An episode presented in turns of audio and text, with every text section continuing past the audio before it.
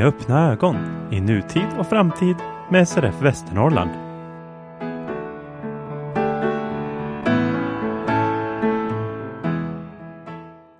Varmt välkomna till avsnitt 9 av podcasten Med öppna ögon.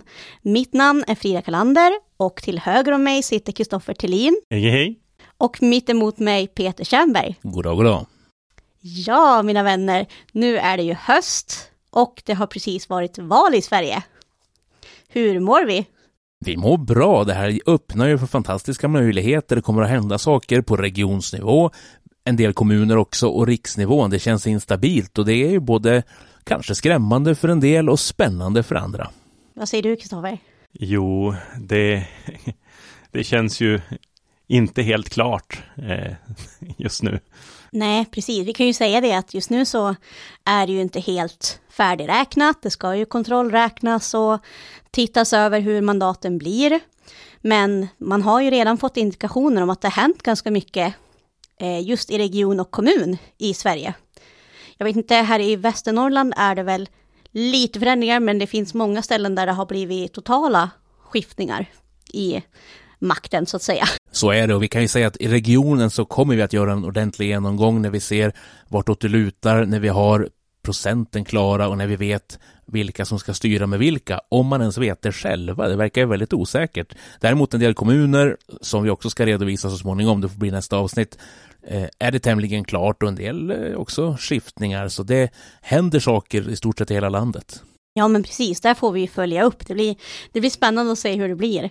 Och jag tänker något annat som har varit spännande att följa är ju det som har skett nu under valrörelsen och framförallt på slutet, att vi har upplevt att det inte riktigt har fungerat klockrent med eh, Valmyndigheten. Det vi har fått rapporter om hittills är ju att det dels har varit problem när man har beställt material från Valmyndigheten, material i punktskrift då framför allt, och det senaste som kom ut här bara två dagar innan eh, valdagen så fick vi rapporter från Riksförbundet om att medlemmar hade kontaktat Henrik Götesson, som jobbar på Riksförbundet, om att eh, man har fått fel valsedlar i kuverten. Det har helt enkelt kunnat stå på kuverten, till exempel eh, Moderaterna, och i kuvertet så har det kunnat lägga ett annat parti som haft valsedlar där då. Punktskriftsmärkningen har fallerat helt enkelt. Precis, precis. Det har liksom inte överensstämt med vad det har stått på utsidan jämfört med vad man har hittat inuti kuverten.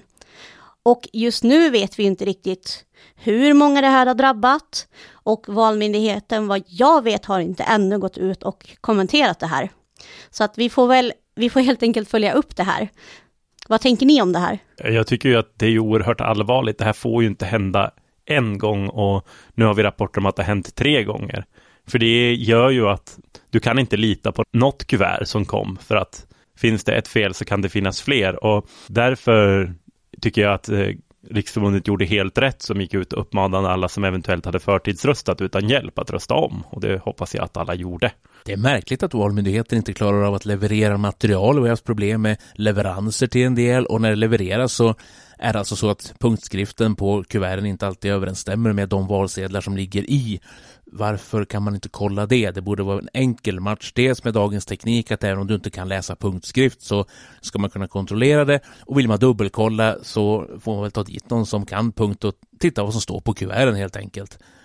Det här når ju inte alla synskadade heller, men de som har nu använt det här måste ju känna en dubbel oro, tänker jag. Jag hoppas som sagt att alla röstat om också, som funderar på om man har fått lagt den rösten man ska, i synnerhet när valet är så oerhört jämnt. En röst kanske inte avgör, eller också gör det det.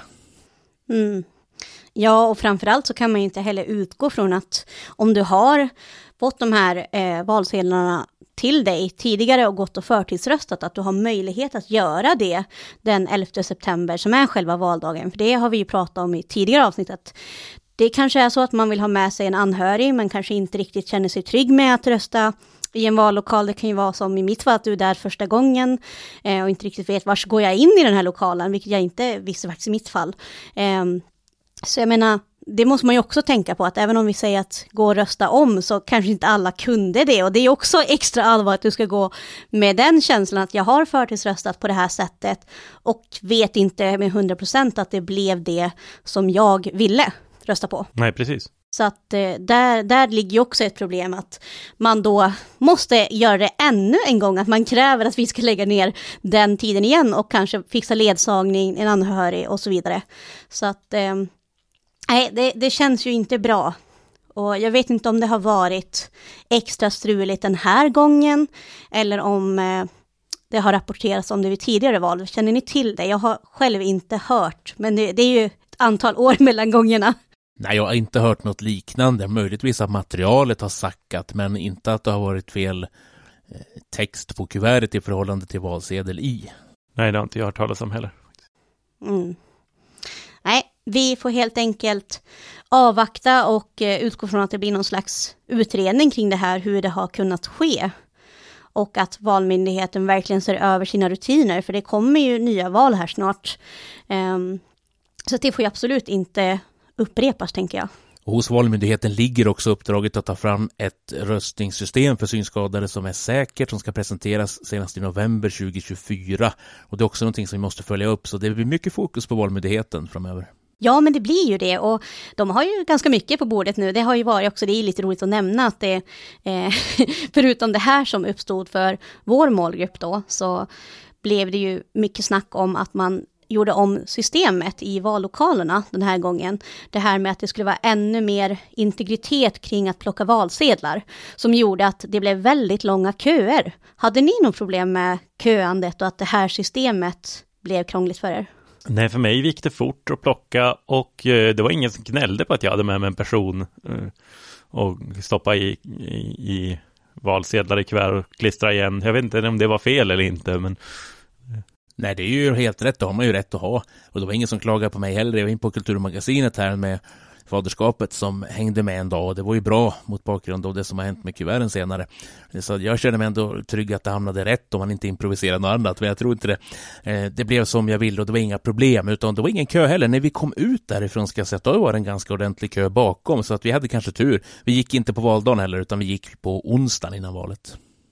Mm.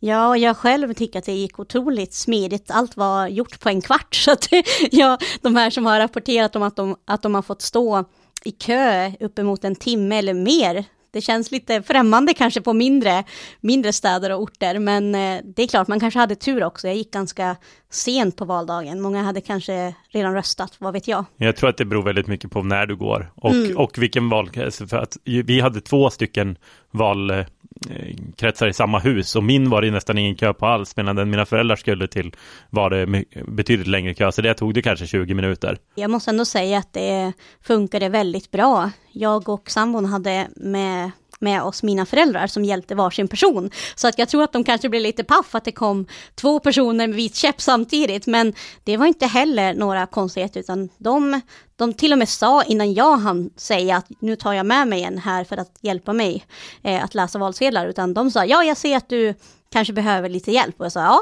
det stämmer. Och då var det inga konstigheter, utan bara, bara gå fram. Men det är klart, jag, jag upplevde ändå att det här nya systemet när man går fram då en och en och plockar sina valsedlar.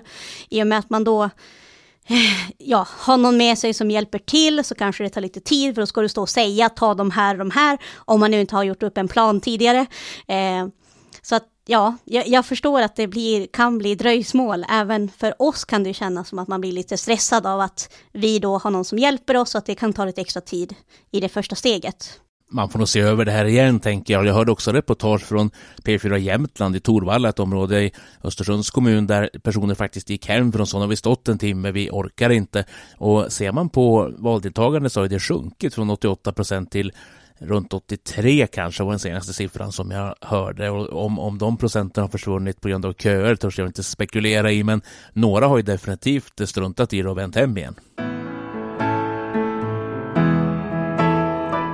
Den 4 september så hade SRF Västernorrland tillsammans med SRF Örnsköldsvik en endagsaktivitet där vi besökte Skuleberget. Söndag den 4 september, vi befinner oss i Övik och ska med SRF Övik ta en tur till toppen på Skuleberget. Vi ska ta oss till toppen med hjälp av en så kallad linbana och med har vi Marcus Ystergård. Kan du förklara hur ser den här ut? Den ser ut som en en typisk, som man ser i skidbackar. Ja men eh, då åker vi hörni. Ja, det gör vi. Hur känns dagen och det här med att åka linbana? Ja, det känns jättespännande. Ja, nu är vi då uppe på toppen, cirka 290 meter över havet. Och står och tittar på utsikten. Mattias, ser du något spännande? Jag ser silhuetter eller vad man kallar det för av träd. Tror jag att det är. Sen ser jag en fin sol som lyser i ögonen. Så jag kan föreställa mig att det ser fint ut här. Det låter som att det är fin utsikt härifrån. Har du någon gagn av utsikten härifrån? Ja, det tycker jag. Jag ser väl inte detaljer, men man ser ju fina vyer i alla fall. Det är alltså en eh, ska jag säga, informationsskylt här där det står Skuleberget, vy över Nordingrå. Och sen är det en detaljerad bild då, så att säga över utsikten här då och vilka berg som vi så att säga ser här. Vi ser Gyltberget, höjd 275 meter till exempel. Och norra Ulvön, Vårkåsberget, höjd 140. Jag vet inte om jag ska räkna på allihopa men det är 3, 4, 5, 6, 7, 8, 9, 10, 11 berg som vi ser. Utsikten mot havet år 6500 f.Kr. står det så här. För 8500 år sedan låg strandlinjen 150 meter ovanför den nuvarande strax nedanför Kungsgrottan. De höga bergen framför dig stack upp som små öar i havsbandet. Till vänster ser du Mjältön och till höger Vård Kallberget med Högklinten i bakgrunden. Vi konstaterade här förut Fredrik att eh, det låter som att det är fin utsikt härifrån. Är det det också? Ja, det är en jättefin utsikt. Det är en, jag skulle vilja säga till och med magnifik utsikt. Eftersom man ser kontrasterna mellan öppet hav, man ser innanhav, man ser så att säga eh, bebyggelsen här och som så att säga är byggt in då här på de här holmarna och eh, det är en fantastisk utsikt. Utsikten mot norr för 9600 år sedan. När inlandsisen just smält undan låg strandlinjen 280 meter ovanför den nuvarande. Bara några meter nedanför dig slog vågorna in mot stranden. Sitter här med Inga-Lill Lindholm som är medlem i SRF Örnsköldsvik. Vad tycker du om dagens aktivitet? Och den är jättetrevlig och det här. Så har vi ju haft så tur med vädret fast det var kallt i morse. Men vi hade ju lite otur när vi skulle åka in för det där. Bilen fick ju punktering på ett däck. Så jag trodde att vi aldrig skulle hinna med. Har du varit uppe på Skuleberget tidigare? Ja, det är 20-25 år sedan och då gick vi upp hit. Oj. Ja. Det var då när man var ung och rask. Hur upplevde du att åka upp med linbana? Ja, det var en njutning att sitta där och se sig omkring. Ja, verkligen. Jag håller med dig. Men då när du gick upp, hade du någon syn då eller hur? Jo, det där, det, det är nu 16 år sedan som det där jag har varit synskadad. Just det. Så att det där, då var det inga problem med att, att ta sig upp igen. Vad säger du då Alvar? Vad tycker du om dagens aktivitet? Ja, men den är ju helt underbar. Eh, bättre än så här kan man knappast ha det. Det kanske inte är den första aktiviteten man tänker på att åka upp på ett berg eller så här men det är ju himla roligt att göra någonting annorlunda tänker jag. Vad tror du om det? Ja, verkligen. Eh, ja, men bara sitta nu i liften här uppe, alldeles stilla, lugnt.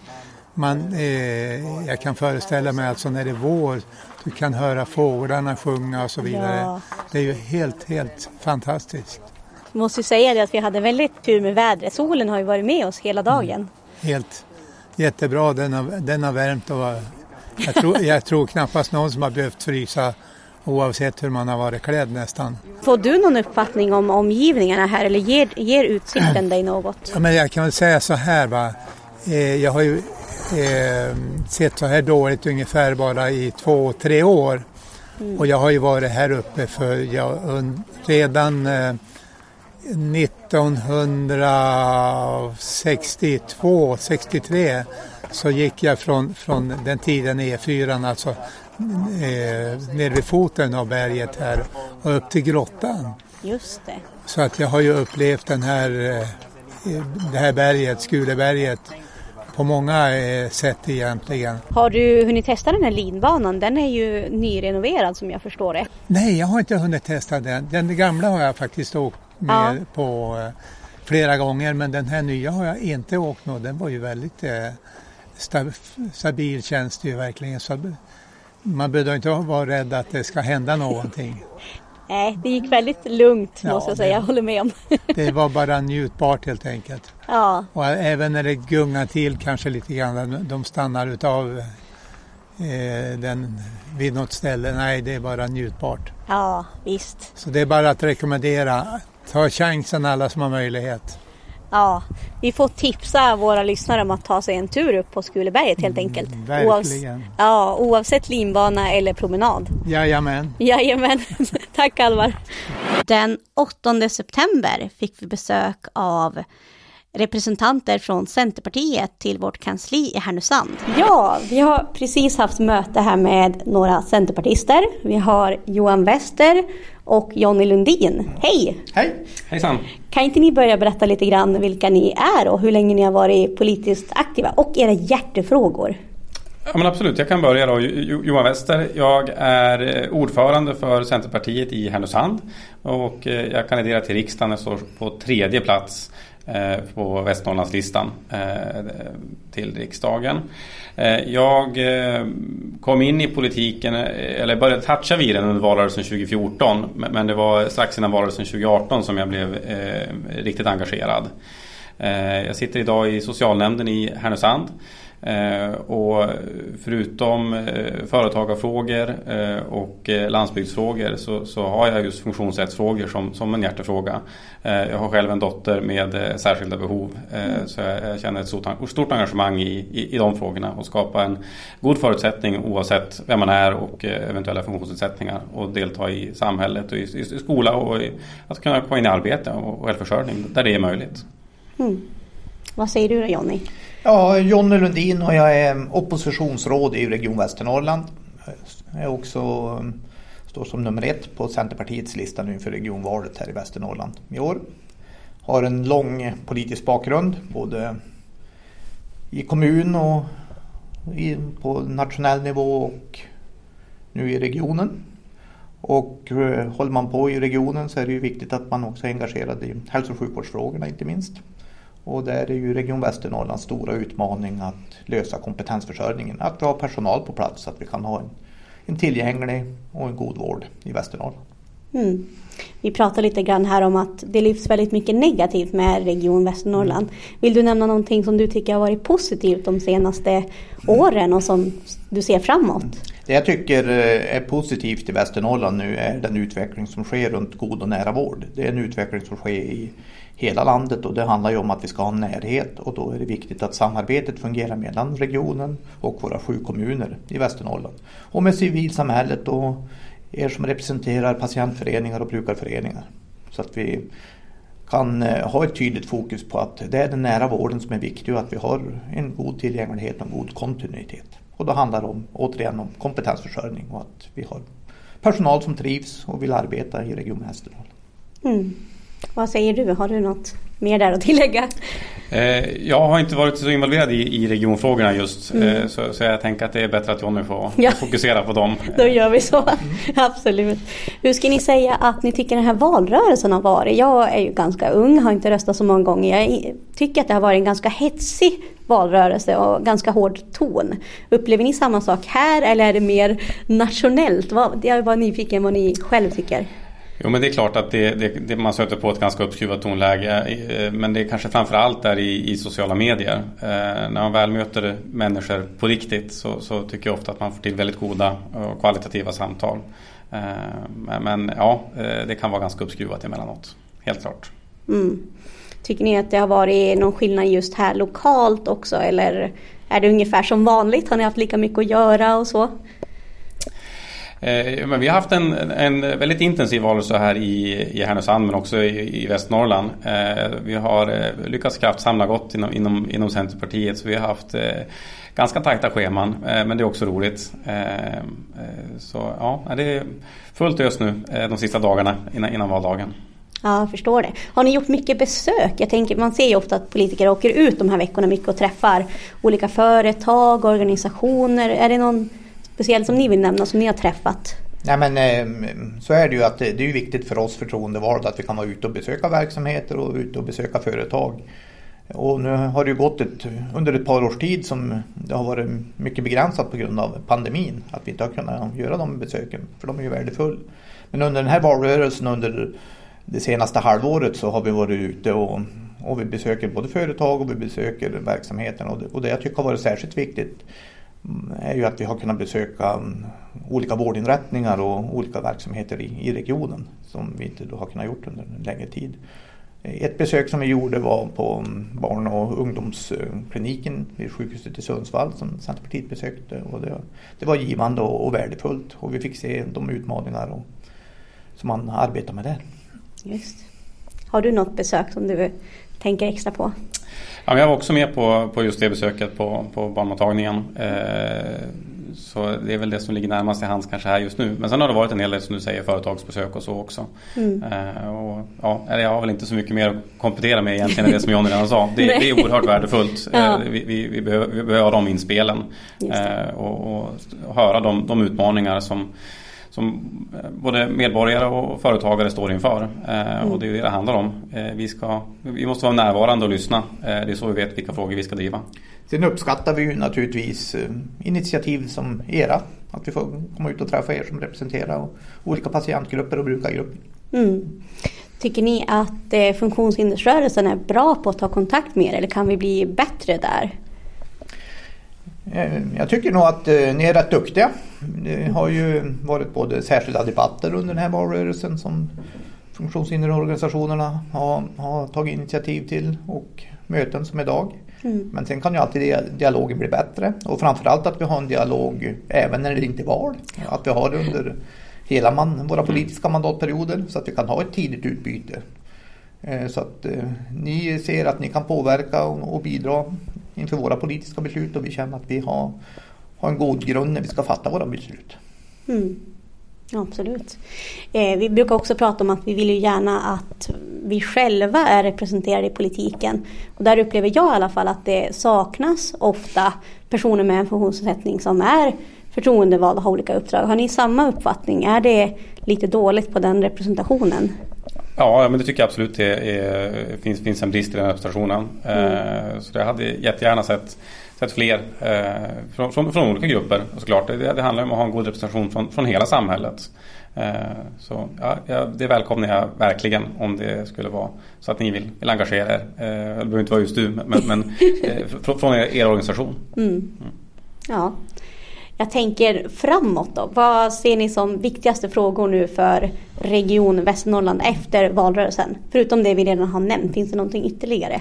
Nej men det, det, går inte att komma runt den absolut viktigaste frågan för Region Västernorrland är att lösa kompetensförsörjningen. Både här och nu och också framåt. Och då handlar det om att regionen behöver vara en, en bra arbetsgivare så att vi kan attrahera människor att vilja jobba i Region Västernorrland för annars klarar vi inte av att lösa vårt viktiga uppdrag inom hälso och sjukvård. Mm.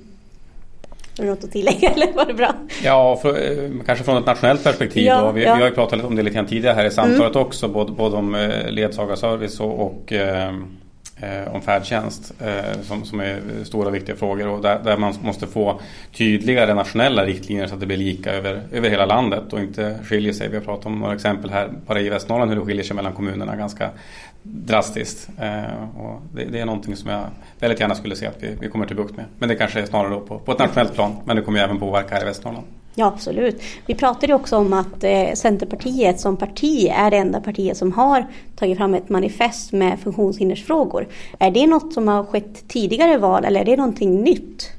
Man har gjort. Ja, mig vetligen så är det här första gången som, som vi har tagit fram ett sådant här manifest eh, in, inför val. Eh, men jag är väldigt glad över att det är på plats. Och, och det pratade vi också lite grann om att jag eh, fick ju äran att vara med i den, i den gruppen och vara med i i slutet innan, innan det slutligen tog, tog den form som det, som det gjorde. Eh, så det är någonting som jag, som jag känner stolthet över att vi har kunnat gå fram med det här. Mm. Just Ja, jag tror, är det någonting annat ni vill säga som vi vill lyfta som vi pratade om tidigare?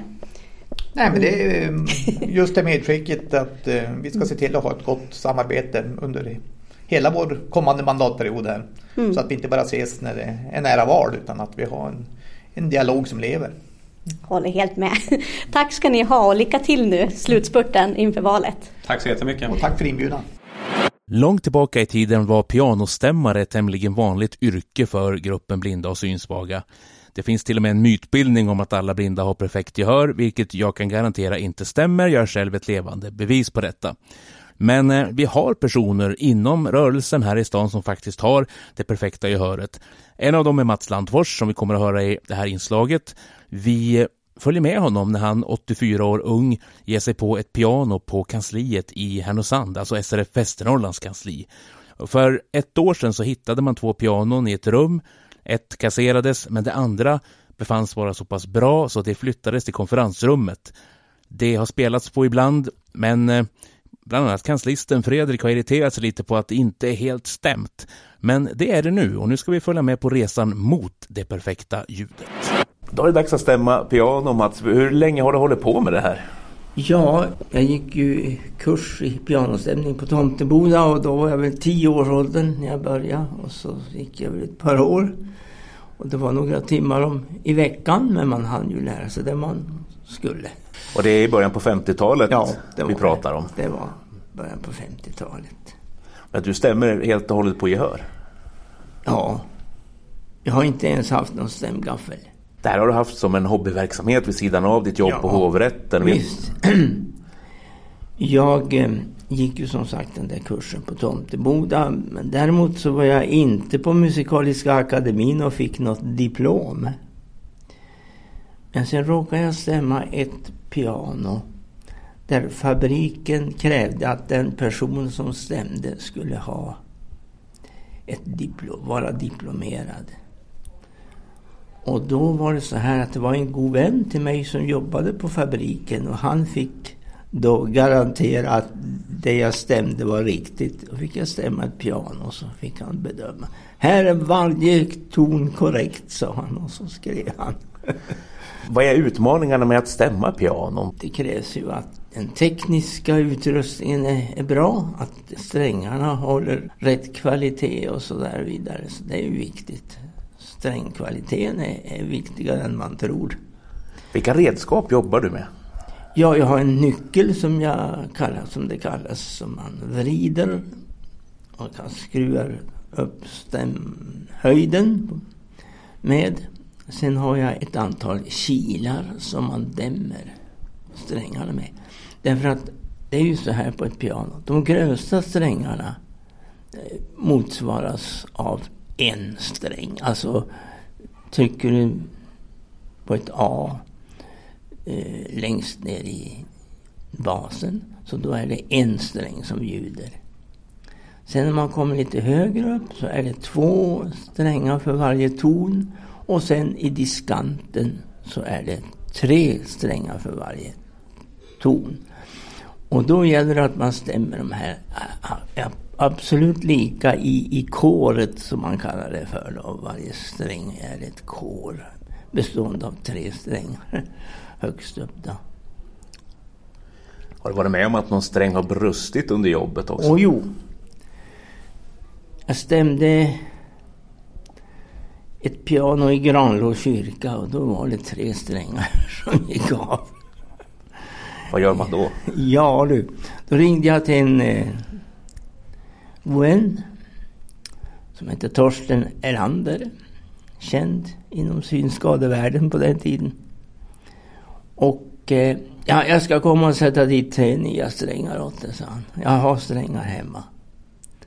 Och då gjorde han det och stämde upp dem också. Det, gick perfekt sen. Har du någon aning om ungefär hur många pianon du har stämt genom åren? Det är ju en 70-årig karriär egentligen. Ja, det kan man ju gott säga.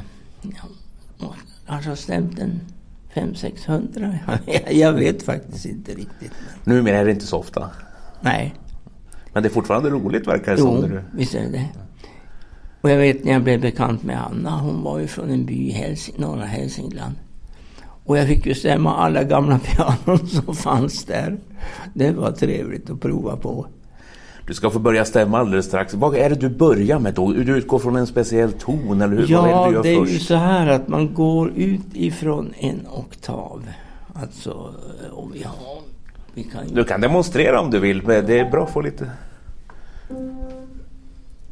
Ja, här har vi ett A.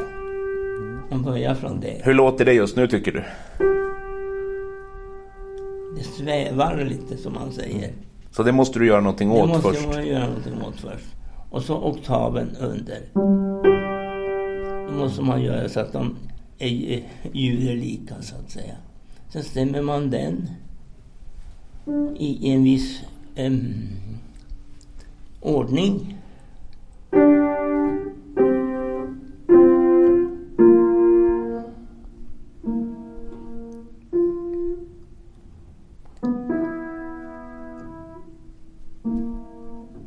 Och så vidare. Och sen kommer man hela, hela vägen ner. Då har man stämt en hel oktav. Du får jobba med alla toner innan du är klar. Ingen, ingen går att hoppa över överhuvudtaget. Nej. Hur lång tid brukar det ta ungefär att stämma ett piano? Och sen bruk- stämmer man alla i likadant som den där oktaven då. Mm. Hur lång tid det tar? Ja. Två timmar vill jag ha på mig i alla fall. Tre timmar, det är bra för då kan man liksom vara noggrann och, och stämma om vissa saker ifall det skulle behövas och så. Eh, och nu när man blir äldre så kan det ta lite längre tid. Det kan ta tre timmar också. Jag har en god vän i Schweiz som är en av landets förnämsta pianostämmare. Han är synskadad. Och han besökte mig i Sundsvall och så sa han så här. Kan du stämma ett piano på en timme? Nej, sa jag, det kan jag faktiskt inte. Jag ska visa dig att jag kan. Har du ett piano som jag kan stämma så ska jag göra det. Och då var det så att jag hade fått ett piano från en kund som jag hade stämt. Och det stod nere i källaren. Så då fick han gå ner i källaren och stämma. Och jag tog tid exakt. Exakt på timmen hade han stämt hela pianot. Han hade någon egen teknik då? Han hade en egen teknik han. Och nu ska vi lyssna på din teknik, Ja, så varsågod och börja. Ja, tack så mycket.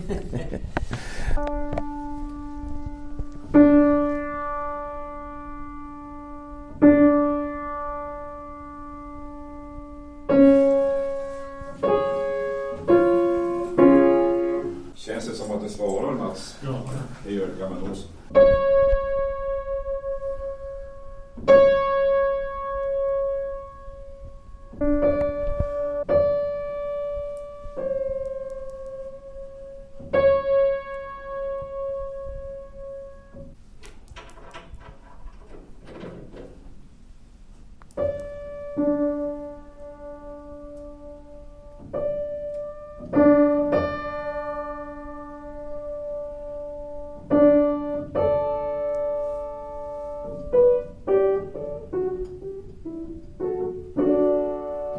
Har du jobbat en timme Mats, hur känns det? Jo, men det tror jag nog går bra det här. Bara jag får till diskanten så. Är det det som brukar vara knepigast? Det brukar vara knepigast. Hur är pianot? Det går lätt att samarbeta med? Ja, det tycker jag väl.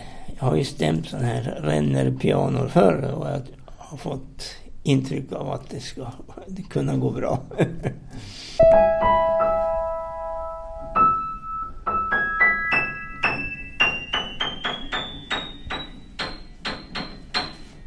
med diskanten? Precis. Där är det knepigt Ja, det, det där är knepigt.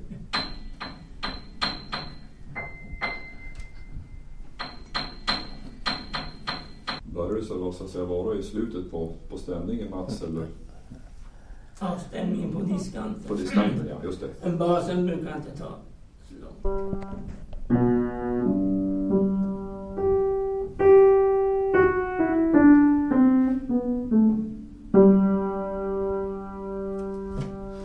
Så efter stämningens avslutande, hur känns det Mats?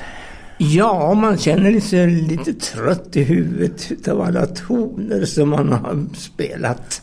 Men du blir nöjd till sist med både jobb och resultat här? Ja, det får jag väl säga. Eh, det är ju alltid problem med diskanten högst upp. Därför att den kan vara svår att komma åt, både strängar och skruvar.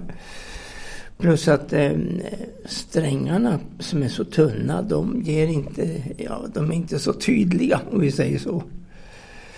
Som bassträngarna. Det hör man bättre. Och arbetsmiljön är sådär. Jag vet att du påtalade att det var en del damm att brottas med här också. Ja, oh ja, det finns nästan. Ja. Att jag låter så här nu, det är också för att jag fått pianodamm i mig. Men det brukar gå bort.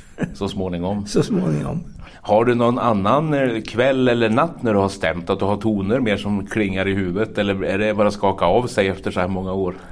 Ja, det kan nog hända. Det är bara att skaka av sig som sagt efter så här många år. Jag brukar aldrig drömma om pianostämning någon gång så det är väl ett bra tecken.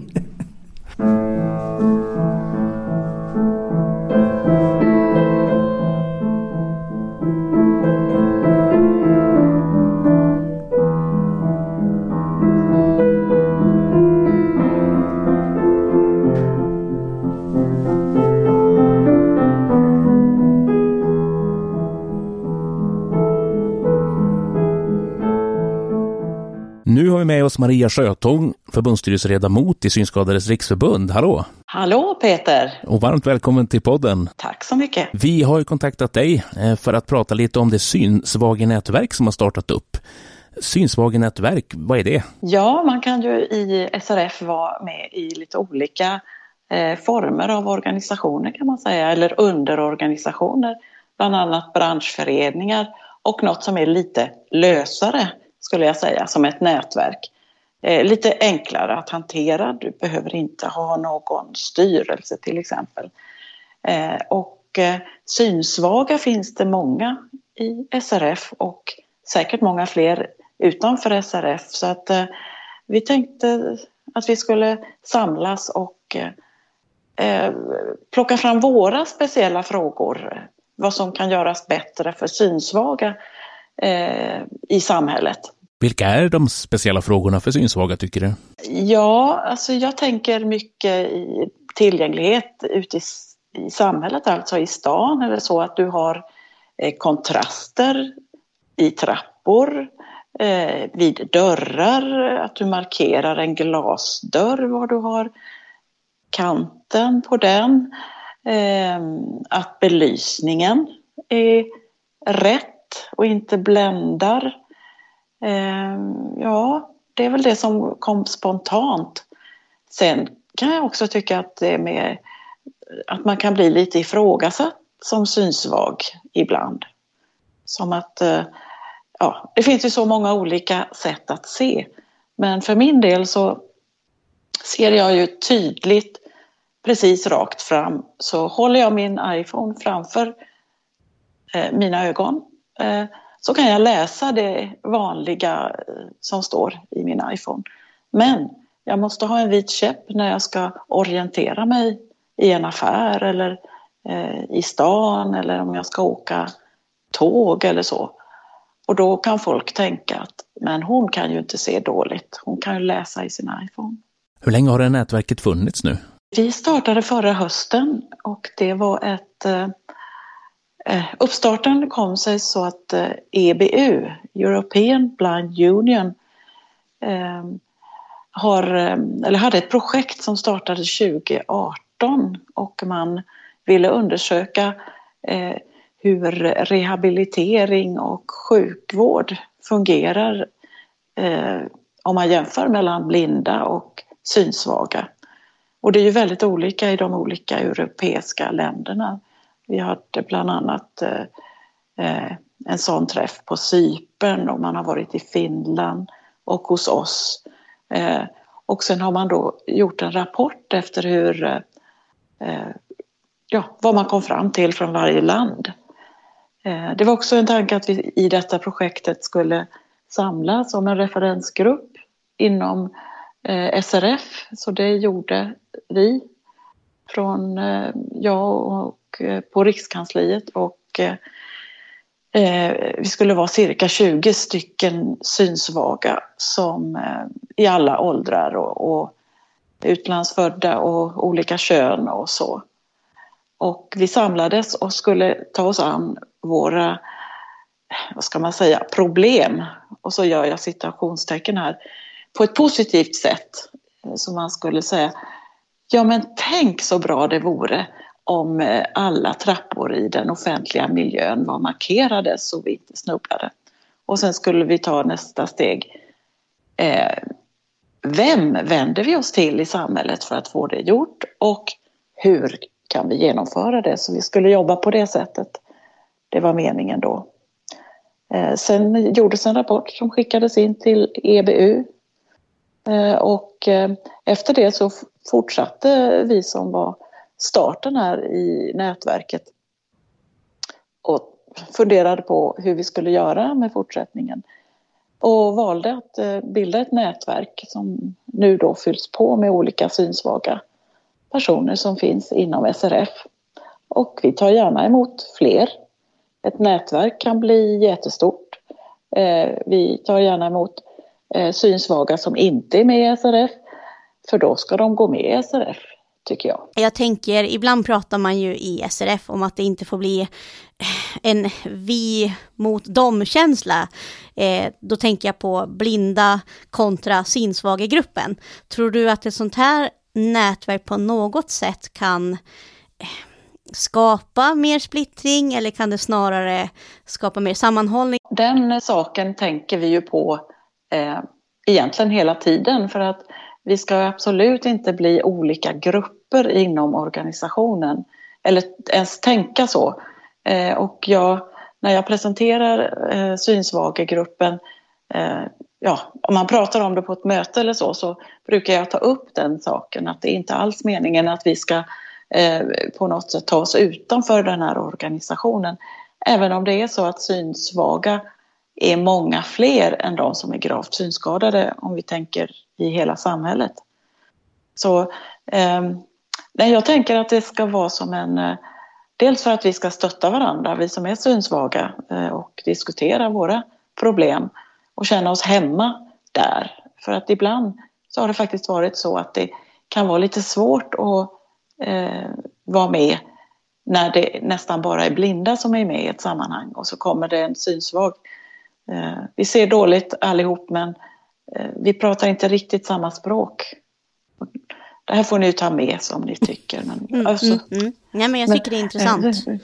Ja, mm, mm. för att, eh, och jag kan väl tänka nu när jag själv har blivit medveten om det här med synsvagegruppen så att vi inte alls får den plats som vi skulle behöva eller som om vi tänker då om vi räknar kvantitet alltså att vi kanske skulle eh, Eh, behöva mer utrymme inom organisationen. Och det är klart, var och en så, står sig själv närmast. Men samtidigt så vill jag ju absolut inte att det ska bli så. Utan att vi ska hålla oss inom eh, SRF förstås. Det är ju så jag har kommit med i detta inom SRF som har gett mig väldigt mycket kunskap och glädje. Vi kan väl säga också att kongressen 2021 som ett av målen eller de prioriterade områdena i verksamhetsplanen också nämner en satsning på synssvagefrågor vill jag minnas. Precis, precis. Och då känns det som att jag är helt rätt här med nätverket för synsvaga. Eh, men det känns som att man har, har liksom eh, mandat att driva frågan ganska hårt här eftersom det är ett kongressmål också att vi ska undersöka saken. Har du något ytterligare som du känner att det här har vi glömt säga nu? Ja, alltså jag eh, hälsar ju alla som känner sig synsvaga välkomna. Och, eh, vi har möten på Teams under hösten. Eh, en gång i månaden har vi tänkt ha ett möte. Vi brukar bjuda in någon föreläsare. Eh, vi har lite saker som vi jobbar med, som vi rapporterar om. Och du fungerar som sammankallande för nätverket just nu? Ja, precis. precis. Och då misstänker jag att det är till dig man vänder sig om man är intresserad av information eller till och med vill gå med direkt i nätverket? Ja, man kan vända sig till mig eller till vår handläggare på eh, Riksförbundet på kansliet där, Robert Lindblom. Eh, vill man gå in på hemsidan så hittar man honom där. Det går jättebra att anmäla sig till honom också. Och hur anmäler man sig till dig? Man når mig på eh, min SRF-mail maria.schotang.srf.nu eller på mitt telefonnummer 070-250 62 55. Tack för att du kunde vara med här idag. Ja, men tack så mycket Kristoffer. Och tack eh, Peter och Frida.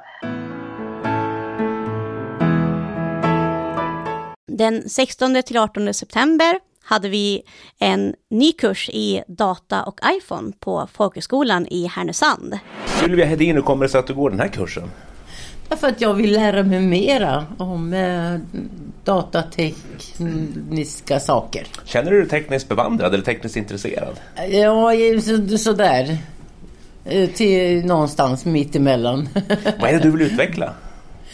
Jag är helt enkelt kunskaperna så att jag blir lite snabbare, att jag liksom känner mig säkrare på att hantera olika saker.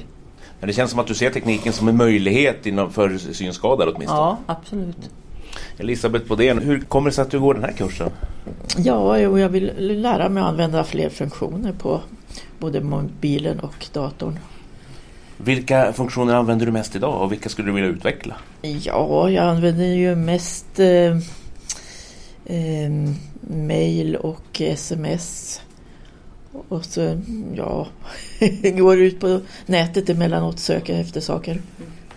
Och du är också överens med Sylvia om att utvecklingen är för synskadade. Jag tänker att du också varit med länge och har ett långt perspektiv på digitaliseringsmöjligheterna och utvecklingen. Ja. Claes? Jag stretade emot. Eh, När jag förlorade synen så ville jag inte ha någon iPhone. Men mina barn mer eller mindre tvingade mig och det är jag oerhört tacksam för. Jag använder mest eh, mail, sms och internetbanken. Har det gått ganska smidigt eller har det varit hårt jobb att lära om? För jag tänker du jobbade med de här sakerna när du var seende också. Ja, jag tycker att det har varit ganska hårt. Lite frustrerande naturligtvis, men det är det för, för även för de som ser. Men eh, ett oerhört bra hjälpmedel. Vad skulle du vilja utvecklas inom? När det gäller just den här digitala kunskapen. Jag har svårt med webbsidorna. Om jag ska in på, ut på nätet så antingen genar jag och, och frågar Google. Eh, eller så går jag till datorn. Jag tycker att eh, webbsidorna på telefonen har jag svårt för. Har vi något hum om eh, det har ökat med sådana här typer av kurser inom SRF? För vi märker ju själva att när vi annonserar om våra data kurser så alltså, det är inte svårt att få anmälningar till dem om vi säger så. Ja, jag tror att det har ökat. Framförallt har intresset ökat för att hålla det. Hela organisationen har väl stigit fram lite grann. Ja, I viss mån på grund av pandemin har det gått lite fortare tror jag. Mm. Det är väl en positiv riktning och att vi nu har utvecklat de här digitala träffarna också, att vi ordnar eh, ja, men en, en, digital träff några timmar under en kväll på ett tema. Det var kanske inget heller vi hade tänkt på innan det blev naturligt att träffas så. Jag tror att behovet och vad ska man säga, efterfrågan efter någon alternativ verksamhet inte hade varit lika stort om man inte hade blivit tvungen till det. Nej, men det är ändå intressant att det, det kanske hade blivit en utveckling mot digitala aktiviteter i någon form, men kanske inte så snart som det blev. Och eh, folk kanske inte heller hade eh, lärt sig att delta på sådana möten på samma sätt direkt som eh, nu har vi ju folk som klarar av att komma in på sådana sådana aktiviteter. Här vill vi gärna ha inspel från er lyssnare vad vi skulle kunna göra för digital aktivitet. Vilket tema vill ni ha på en sån träff över Teams? Finns det något, någon föreläsare ni önskar som vi skulle kunna bjuda in? Finns det något ämne ni vill diskutera? Det är ju jättetacksamt. Vi har ju kört några stycken nu här, men vi är ju några få som försöker spåna på, på idéer vad vi kan eh, ta upp på en sån här kväll. Men eh, vi vill ju gärna veta vad tycker ni är intressant att lyssna på under några timmar och kunna ha dialog med varandra om det. Vi kommer ha en till kurs i data och iPhone den 9 till 11 december. Inbjudan har ju inte kommit ut till den än, men kommer inom sin tid. Så håll utkik efter den om du inte hann anmäla dig till kursen som precis varit. Det här kommer ju att bli en del av vår verksamhet framöver. Vi hoppas ju att vi kan få igenom att ha sådana här kurser även nästa år och nå ut på ett bredare sätt därför att vi märker att de här kurserna fyller vi. Det finns en del kurser som har varit i många år som vi kanske ser eh, är lite på fallrepet. Då måste man ersätta dem med nya. Så har ju SRF jobbat i alla tider. Man har haft en verksamhet som har varit bra och sen har det kommit nya saker, ersatt de gamla i viss mån och de som har varit bra, de har vi behållit genom årens lopp. Och så kommer det att se ut även framledes. Men det hänger så oerhört mycket på medlemmarna, ni som lyssnar också, vad ni vill ha av, utav oss. Eftersom vi på något vis är genomförare eller möjliggörare eller hur man nu vill se på saken. Och på tal om vad ni vill ha av oss så kan vi också gå ut i god tid och säga att den 19 november så har vi höstmöte. Inbjudan har inte gått ut där heller utan kommer i sinom tid men vi kan redan nu spara datumet för att komma och tycka till om vad vi ska göra under 2023. För då antas verksamhetsplanen och det är ni medlemmar som ska komma dit och tycka, tänka, rösta och fundera på om vi lägger fram ett hyfsat förslag eller om ni vill revidera det på alla punkter. Det är faktiskt spännande varje år ska jag säga att eh, försöka gestalta grunderna för vad distriktet ska arbeta med under kommande år och sen få responsen. Höstmötet är nästan ännu mer levande än årsmötet, även om det är spännande där också, för det väljer man folk. Men höstmötet är på något vis botten för framtiden. Eh, vi, vi lägger grunden till där framtiden ska stå. Och vi är ju såklart, vi som sitter här, men också de som kommer till mötet, de som har chansen att yttra sig och tycka till. Eh, det är viktigt det här därför att verksamheten blir bättre ju fler som tycker, ju fler som beslutar. Det är någonting som upprepas nästan till leda, men demokratin i föreningen fungerar bättre om fler deltar. Då återstår det för mig att tacka för det här avsnittet och tacka er två här i studion, Kristoffer och Peter. Och som vanligt så vill vi ha inspel från er lyssnare, vad ni vill höra mer av, vad ni vill höra mindre av, om ni har tips på någon gäst till vår podd. Allting är välkommet, så hör gärna av er.